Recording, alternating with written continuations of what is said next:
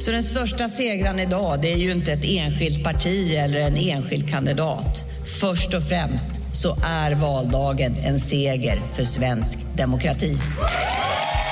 Moderaterna inte bara heter Samlingspartiet, vi är Samlingspartiet. Och nu behöver Sverige precis det. Samling. Jag tror vi fick eh, 5,7 procent till slut. Just nu har vi 20,7. Ja, svenskerne har stemt ved et rigsdagsvalg, der har vist sig at blive en ægte valggyser. Valget er nemlig lige nu alt for tæt til, at der kan udpeges en ny statsminister, og derfor bliver det tidligst om et par dage, når brevstemmerne fra udlandssvenskerne også er talt med, at der lander et resultat. Socialdemokraten Magdalena Andersson kæmper for at kunne blive på posten, men også hendes primære modstander, Moderaternes Ulf Kristersson, har statsministerdrømme. De kan til gengæld blive spoleret af Sverigedemokraterne på den yderste højrefløj, som står til at få et historisk godt valg, kan man vist allerede nu sige, og også altså vil have plads og være med helt fremme i en blå regering. Det er alt andet end kedeligt at følge med i svensk politik lige nu. Du lytter til konfliktzonen, hvor vi gør status på det svenske valg og ser nærmere på de personer, som kan komme til at lede et splittet Sverige de næste fire år. Mit navn er Alexander Vils Velkommen til konfliktzonen. Også velkommen til dig, Drud Dalrup. Tak skal du have. Du er professor emerita i statskundskab, du er æresprofessor ved Roskilde Universitet, og så er du også ekspert, kan man roligt sige, i svensk politik. Vi skal til Stockholm lidt senere, og også Jesper Sølk, han venter på os deroppe. Øh, allerførst, Rud Dallerup, vil du ikke sætte nogle ord øh, på, hvordan du oplevede valgaftenen i går? Ja, alle, alle trådte jo vande, øh, men øh, der var jo nogle resultater, undskyld, selvom vi ikke har det endelige resultat øh, før på onsdag, som du sagde, øh, så er der jo nogle resultater, øh, som er ganske markant, markante. Sverigedemokraterne, som går fremad. Øh, I virkeligheden er der kun tre partier, der går frem. Socialdemokratiet, Miljøpartiet og Sverigedemokraterne. Øh, og det blev, som alle har for, forudsat, en rysere, som man siger på svensk. Altså, som du siger, en rigtig gyser. Øh, Øh, og derfor var det jo, alle trådte vande. Men man kan sige på den måde, at det er jo usædvanligt, at en regering får en tredje valgperiode. Øh, normalt så bliver det kun en eller to perioder. Og det, der sker her, det var jo Socialdemokraterne og med, øh, de, med de grønne jo har haft to valgperioder uden det grønne til sidst. Men øh, så har de samtidig fået en ny statsminister, som jo har givet ligesom et, et nyt indspark til, at man måske kunne få en tredje valgperiode. Men øh, det ser lige nu ser det ud som om, det er Blå Blok, der vinder. Øh, hvad er de store overraskelser, som du ser det, hvis der altså var nogen? Ja, øh, spørgsmålet er, om der var egentlig var nogen. Meningsmålingerne de sidste øh, øh, par dage har jo vist det her, som er det mest interessante resultat, nemlig at Sverigedemokraterne bliver større end Moderaterne. Øh, og der har Moderaterne jo et kæmpe problem, fordi øh, de har stået det dilemma, at man efter ja, sidste, bare sidste valg, valg, der sagde man jo, vi vil aldrig øh, lave en regering, der er afhængig af Sverigedemokraterne. Og specielt det sidste år er der jo sket en, en utrolig skift. Øh, svensk politik har bevæget sig til højre. Øh, og Ulf Christensen, lederen af Moderater, har jo haft det dilemma, han så skulle, begre- han skulle tale Sverigedemokraterne op, fordi han skulle jo ligesom retfærdiggøre, at han har taget dem ind i varmen, at de nu er blevet stuerene. Og der har han talt dem så meget op, at det faktisk er, at han har talt sig selv ned, fordi han har gjort, efter min opfattelse, den fejl, at han så samtidig har kørt det samme øh, hovedtema, som Sverigedemokraterne er kommet op på, nemlig lov og orden, i stedet for at køre økonomisk politik eller nogle andre ting, øh, som, øh, som øh, typisk er moderaternes sag, og den, som de kan vinde på. Så han har altså kørt den samme sag, som det parti, han har talt op. Og til allersidst, så har han begyndt at tale dem lidt ned for sin egen skyld. Han kunne se, hvor det førte hen, og sagde, jamen de er ikke noget borgerligt parti, de er et bidragsparti, ligesom Socialdemokraterne. Lige nu, der øh, står alt jo øh, exceptionelt øh, tæt. Du følger jo også med i, hvad der sker time for time. Fører den blå blok stadigvæk lige nu? Ved du det? Øh, ja, øh, jeg hørte radioavis, øh, øh, svensk radioavis her til morgen, og øh, det ser ud som at være det samme 175 mandater til Blå Blok og 174 til Rød Blok. Og det er så bare lige en, der er flyttet Fordi det, det der øh, parlament, vi havde, eller rigsdag, vi havde sidst, det var jo så 175 til de røde og 174 til de blå. Og det vil sige stadigvæk formodentlig et ganske ustabilt øh, øh, parlament og rigsdag, men det betyder jo også, at Sverigedemokraterne virkelig har pressionsmidler. Ja, det har de, og øh, Sverigedemokraterne er måske valgets helt store øh, vinder. Øh, det, det kan der vist ikke være to holdninger til. Det er korrekt. Hvad vurderer du har afgjort øh, valget, som det ser ud lige nu? Altså, hvilke områder er det, der har betydet noget for svenskerne i det her valg? Ja, det viser sig jo, vi har, der har været fire punkter på dagsordenen, og jeg kan se, at alle danske aviser har sagt, jamen det var så lov og orden og bandekonflikterne. Men vi har jo faktisk nu fra de exit polls, der har lavet en undersøgelse af, hvad vælgerne mener, da de satte deres kryds, det var det vigtigste. Og det viser sig, at det faktisk var velfærdsspørgsmålene, altså spørgsmålet om sundhedsvæsen og spørgsmålet om skole, som stod højst på deres dagsorden. Og så kommer lov og orden, bandekonflikter, og så kommer energispørgsmål og de høje elpriser. Men samtidig så øh, skal man jo have med, og det bliver også sagt i den her undersøgelse, at øh, det er jo helt forskelligt. De røde har jo velfærdsspørgsmålene og klima som det øverste, og de blå har lov og orden og energi som de øverste. Ja, og så er der jo øh, bandekriminalitetsspørgsmålet, som Sverigedemokraterne jo i den grad har øh, sparket øh, til, til hjørne. Øh, Lige nu, der står 30 procent jo til at pege på Socialdemokraterne, men 20 procent peger mod Sverigedemokraterne. Det er to vidt forskellige partier, som du også er inde på, som jo peger i hver sin retning og tilhører hver sin blok. Altså, hvor usædvanligt er det, at Sverige som land er så opdelt i politiske blokke? Jeg vil lige sige, når jeg siger lov og orden, så ligger bandekonflikterne ja, som det vigtigste øh, ind for det. Ja, ja øh, man, jeg tror, jeg vil formulere det på den her måde, at det politiske landskab er utrolig opsplittet. Øh, og vi har jo altså en, en ganske klar rød blok og en ganske klar blå blok, specielt efter at Centerpartiet jo gået over til rød blok. Men derimod er jeg lidt i tvivl, om man kan bruge det samme begreb, når vi snakker om vælgerne. Øh, for det første har vi jo nogle undersøgelser, nu er jeg jo politolog, øh, som siger, at vælgerne ikke er så interesserede, ikke er så super interesserede i spørgsmålet, hvem der har regeringsmagten det er jo journalisterne og politikerne, som synes, at det er det aller, aller vigtigste. Øh, svenske vælgere er sag, sagsorienterede, det er politiske sager, som øh, først og fremmest interesserer dem. Og hvis du kigger på kommunalpolitik, så har vi jo masser af steder, hvor for eksempel Socialdemokraterne og Moderaterne regerer sammen. Vi har masser af steder, hvor, hvor øh, Sverigedemokraterne reagerer sammen med måske Socialdemokraterne eller med Moderaterne. Og det kender vi jo også fra Danmark. Lokalpolitik er jo langt mere forsonlig, kan man sige, end det er på, på rigspolitik. Så, men splittelsen, ja, den er i rigsdagen. Øhm, uanset hvad der kommer til at ske, om det bliver en, en rød regering eller om det bliver en blå regering, så sidder øh, Sverigedemokraterne og, og tripper øh, på det yderste af stolen. Ikke? De vil gerne i regering, hvis det bliver en blå regering. Det kan også blive svært at komme udenom dem. Det må man jo bare erkende. Øh, en rød regering vil, vil ikke røre dem med en ildtang. Hvor meget politisk indflydelse mener du, eller tror du, et parti som Sverigedemokraterne, som jo på mange måder er dem, ingen rigtig vil lege med, hvad kan de få? Nu er det jo slut, at ingen vil lege med dem mere. Altså, de er blevet stuerene, de er kommet ind i, i varmen. Uh, de siger, de vil i regering, men det ved de godt, at de ikke kommer. Uh, fordi uh, hvis man skal blive statsminister, så skal der jo være uh, ikke et flertal imod en. Uh, men de blå, andre blå partier vil ikke have Sverigedemokraterne som statsminister. Det er måske også et lige lovligt hurtigt spring, kan man sige. Så de står vel lidt som Dansk Folkeparti stod der øh, ved Lars Løkke Rasmussen og blev det største parti. Øh, og øh, kom ikke regering. Vi ved jo stadig ikke, om det var dem selv eller Lars Løkke, der ikke ville have det.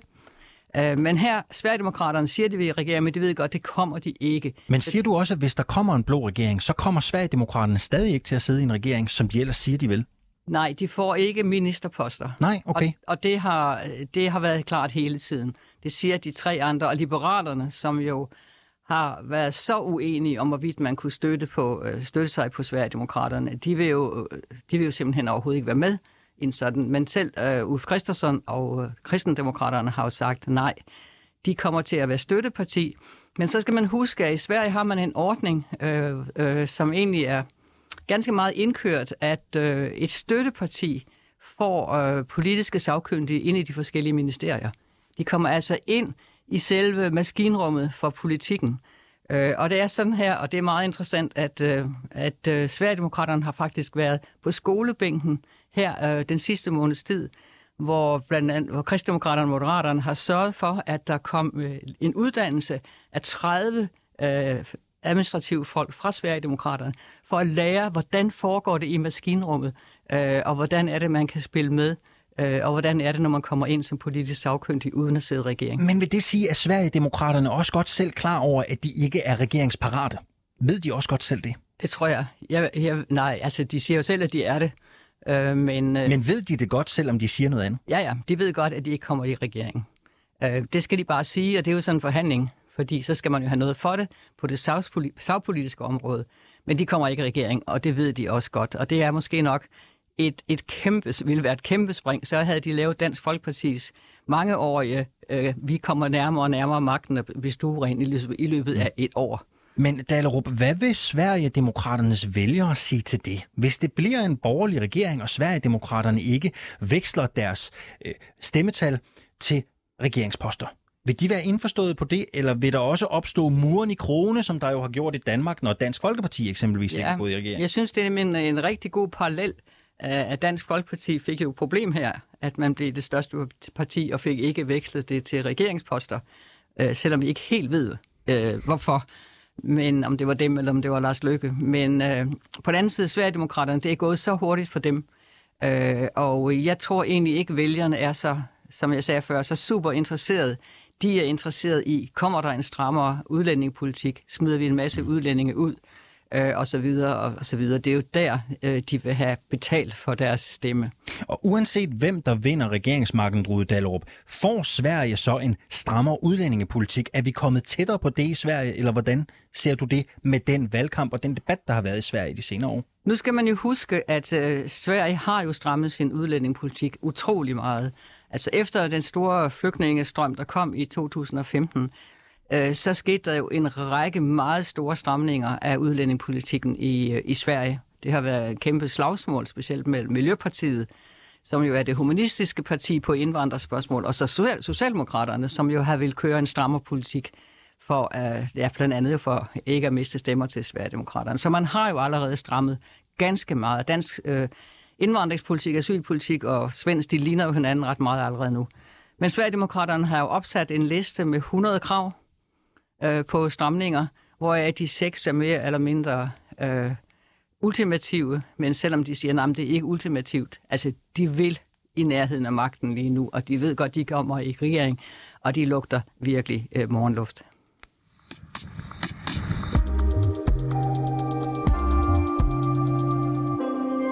Jesper Sølk, velkommen til programmet. Godmorgen. Du er nordisk korrespondent for TV2, og her til morgen er du med fra Stockholm. Og du fulgte jo al valgaften hos Socialdemokraterne, som jo først stod til en sejr i exit-polsene, men senere blev overhalet af Blå Blok. Øh, hvordan var stemningen i den socialdemokratiske lejr i går?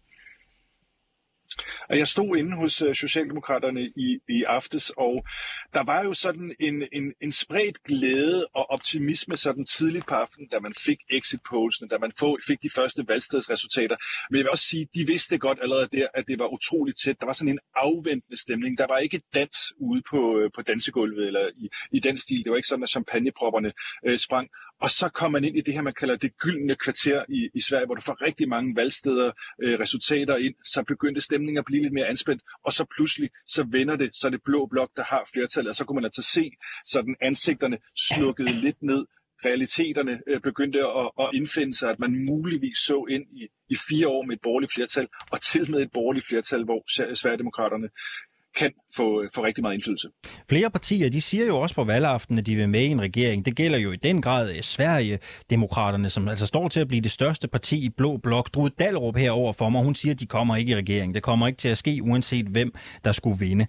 Eh, spørgsmålet er jo så, Jesper Sølke, hvor stor en opgave bliver det at samle en regering øh, i Sverige? Ja, det er jo lidt specielt i Sverige, at øh, samtlige otte partier, der kommer ind i rigsdagen, de mener, at de skal sidde i, i regering. Det siger de sådan set uh, hele tiden, og man har jo sådan lidt den her stående joke med, at det kan godt være, at det er svært at vinde valg uh, i Sverige, men det er måske endnu sværere som politiker at danne en regering, og sådan bliver det også for Ulf Christensen, hvis han uh, får muligheden for at danne en regering over de blå, i den blå blok. Jeg tror nu, at, at Drude uh, har ret i, at uh, Sverigedemokraterne kommer ikke i en regering. Altså det kræver simpelthen, at de tre andre borgerlige partier skal sluge lidt for store kameler eller gå for meget tilbage på de ting, de har sagt i, i valgkampen. Men det er jo klart, Jimmy Åkesson, som største parti over i den blå blok, han skal jo virkelig malke den her situation. Han bliver nødt til at blive ved med at presse den. Han har ikke noget andet valg. Selvfølgelig skal han sige, at han vil i regering. Selvfølgelig skal han sige, at han vil have øh, komme så tæt på magten som muligt. Men, men det mest logiske, det er jo nok, at på en eller anden måde, efter lang tid, så kommer de til at lande noget, hvor at de tre borgerlige partier kan sidde i en regering, de kan se sig selv, og så står Sverigedemokraterne ud og har nok til at sige, at de også har indflydelsen. Og Jesper Sølg, spørgsmålet er jo så, hvordan man har det hos øh, Ulf øh, Kristersson i dag. Der sidder man givetvis på det yderste af stolen. Det er, øh, tænker jeg, øh, du må rette mig, hvis jeg tager fejl, øh, dødhammerne vigtigt med en blå sejr, for ellers så begynder det vel at se sort ud for hans tid som partileder, eller hvordan ser du det? Ej, jeg tror, hvis ikke det bliver en blå sejr det her, så er Ulf Christensen fortid som Moderaternes formand. Det tror jeg er det, jeg vil sætte min øh, penge på. Så han sidder sådan med det yderste negle af neglene der. Og han er jo i den lidt specielle situation, at det kan godt være, at han vinder øh, magten. Det er der noget, der tyder på lige nu her. Men han taber på en eller anden måde også. Han, han fremstår lidt som en, en delvis taber, altså taber posten som storebror i den blå blok, som dem, der har øh, den naturlige lederrolle hos øh, de borgerlige den går over til Sverigedemokraterne. Han kommer til at skulle give en masse indrømmelser undervejs. Altså en ting er, at han har givet indrømmelser de seneste fire år, hvor han har nærmet sig Sverigedemokraterne, hvor han er sådan, du ved, magtens nødvendighed. Man bliver nødt til at anerkende, at de er der for overhovedet at komme ind i, i nærheden af statsministerposten. Det er en ting. Men her skal han også sådan nærmest over bukke og, og neje lidt hos Sverigedemokraterne for at skabe et øh, regeringsgrundlag. Og der kommer han til at fremstå lidt som, øh, som vinderen, som tabte sig øh, til sejren på en eller anden måde, og det bliver en utrolig svær balancegang øh, for ham. Men så har han jo så fire år til at, at bygge sig selv op igen bagefter, hvis det lykkes. Og det er så, nok inden, vi, inden vi slipper dig og sender dig tilbage i øh, TV2-regi, så prøv lige sådan helt lavpraktisk at fortælle os, hvad er det, der kommer til at ske nu her i de kommende timer, jo i virkeligheden også de kommende dage, for vi kan jo ikke sige noget om, øh, hvem der bliver statsminister og hvem der kommer til at danne regering. Så, så hvad er det for en proces, der, øh, der, der løber over de næste par dage nu? Men de tæller stadig stemmer, øh, og det gør de i nogle af de valgsteder, hvor øh, blandt andet at der var øh, blev blevet stemt ret sent, altså lige ved siden af, hvor, hvor jeg er lige nu her inde ved centralstationen i, i Stockholm, der afgav de sidste deres stemme 22.11, altså to timer og 11 minutter efter, at valgstederne var lukket. Det er fordi, der var så lang kø. Det tæller lidt. Det er den ene ting. Men vi kommer muligvis til at vente med et resultat frem til på onsdag, fordi at der er en række udlandssvenskere, som også har stemt. Og hvis det er så tæt, som det ser ud nu her, så er der måske en 50-60.000 stemmer, der kommer ind for, for udlandet, og de kan ende med at afgøre det. Så øh, jeg vil sige, at øh, Sverige de holder vejret, de er i ventepositioner, de aner ikke på nuværende tidspunkt, hvem der kommer til at lede landet de næste fire år. Jesper Sølk, tak fordi du var med fra Stockholm, altså nordisk korrespondent på TV2. Drud Dahlerup, øh, du sidder næsten her og, og, og gik øh, en form for en form i chok, øh, da du hørte om de her øh, ekstra køer på øh, to timer, valgsteder, der stadig tog imod øh, stemmer efter kl. 22. Hvad siger det om det valg, der er blevet holdt i Sverige, hvis noget? Ja, altså, jeg har selv en, en, en lille del af det, fordi som professor i statskundskab har jeg kritiseret, at øh, det med, øh, i Sverige har man jo, hver parti har sin valgseddel, og så ligger alle valgsedlerne, så når man kommer, så tager man dem i fuld offentlighed. Og vi er mange, der har kritiseret, at det er et offentligt sag. Og nu er det her valg er det blevet ændret, nemlig at man skal have sådan et, af, et øh, aflukke, hvor man går hen og tager sin valgseddel helt alene. Mm. Det er det, der gør, at man har fået så store køer. Uh, så på en måde synes jeg, det er jo rigtig godt, men de kunne jo have lavet lidt flere valglokaler og forudset, at det ville blive på den her måde. Du Dallerup, vi hører Jesper Sølk sige, at der nu er en proces i gang, hvor der går et par dage, før vi ligesom ved, hvad der sker. Blandt andet fordi udlandssvenskernes stemmer også skal tælles op. Kan man sige noget om, hvis man kigger tilbage på svenske valg, hvem har udlandssvenskerne en tendens til at pege på? Kan man sige noget generelt om det? Det kan man faktisk godt. Uh, og uh, der er cirka 150.000 udlandssvenskere som har stemmeret, og de har en lav valg, valgdeltagelse, men omkring en fjerdedel af dem stemmer. Og der er flere øh, til, øh, øh, moderater end socialdemokrater i den gruppe, altså de folk, som, som er udenlandssvenskere, øh, de, er, de er mere til højre. Og det ved Moderaterne godt. Det er dem, som har i sin tid har argumenteret for, at udenlandssvenskerne skulle have ret til at stemme. Og de er også de eneste, som sender valgkuverter med deres valgsedler ud til, øh, til hele verden. Det gør de andre partier ikke. De ved godt. Og det er jo derfor, at, at, øh, at jeg tror, at, at øh, ja, det blå blok ser ud til at, at have den, fordi udlandsstemmerne formodentlig i højere grad går til dem, og de er allerede en foran. Hvorfor er det egentlig, de har tendens til at stemme på, på blå blok, kan man sige? Jamen det er sådan, du ved, det private business folk, som uh, tager til Argentina for at lave en farm og den slags ting. Ellers er det folk, der er, er, er flygtet fra Sverige, fordi de ikke kan lide Socialdemokraterne og den høje skatteprocent. Drud Dahlerup, så lad os prøve at blive ved den tanke. Du siger her til morgen, at du spår, at det nok er de blå, der har den. Ja, nu skal man passe på, men jo. Men hvad så, når vi har fået en svensk statsminister, og ja. der er blevet dannet en ny regering. Hvad ser du som øh, de vigtigste, og måske også de sværeste opgaver for en regering at løse i det svenske samfund? Ja, men så langt er vi ikke kommet nu, fordi først så skal vi jo altså have valgt en tal, talmand, altså en øh, formand for rigsdagen. Øh, og det har jo indimellem været stor dramatik omkring det. Traditionen er jo altså, at det er den modsatte blok, som har øh, formandskabet. Altså i dag har vi en socialdemokratisk regering, og så er det Andreas Norlén, som er moderat, som er, øh, som er øh, rigsdagens formand. Og der var jo det store problem, og det øh, undgår man jo nu, fordi hvis det var sådan, at Socialdemokraterne, eller hvis det er sådan, at de vinder, så er det det største borgerlige parti, som skal have talmandsposten, altså blive formand for Folketinget, en position, som jo er over statsministeren, og det skulle så blive sta- øh, Sverigedemokraterne. Så man kan sige, at der er i hvert fald nogen, der er lettet over, hvis det bliver en blå regering, fordi så får vi en socialdemokratisk øh, rigsdagsformand.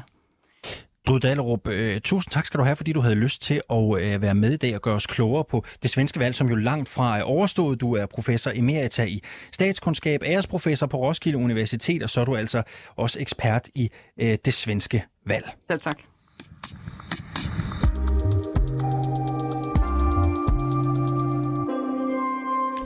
Du lyttede til dagens afsnit af Konfliktzonen 24-7's udlandsmagasin. Jeg hedder Alexander Vils Lorentzen, og Sofie Ørts har redigeret øh, dagens program.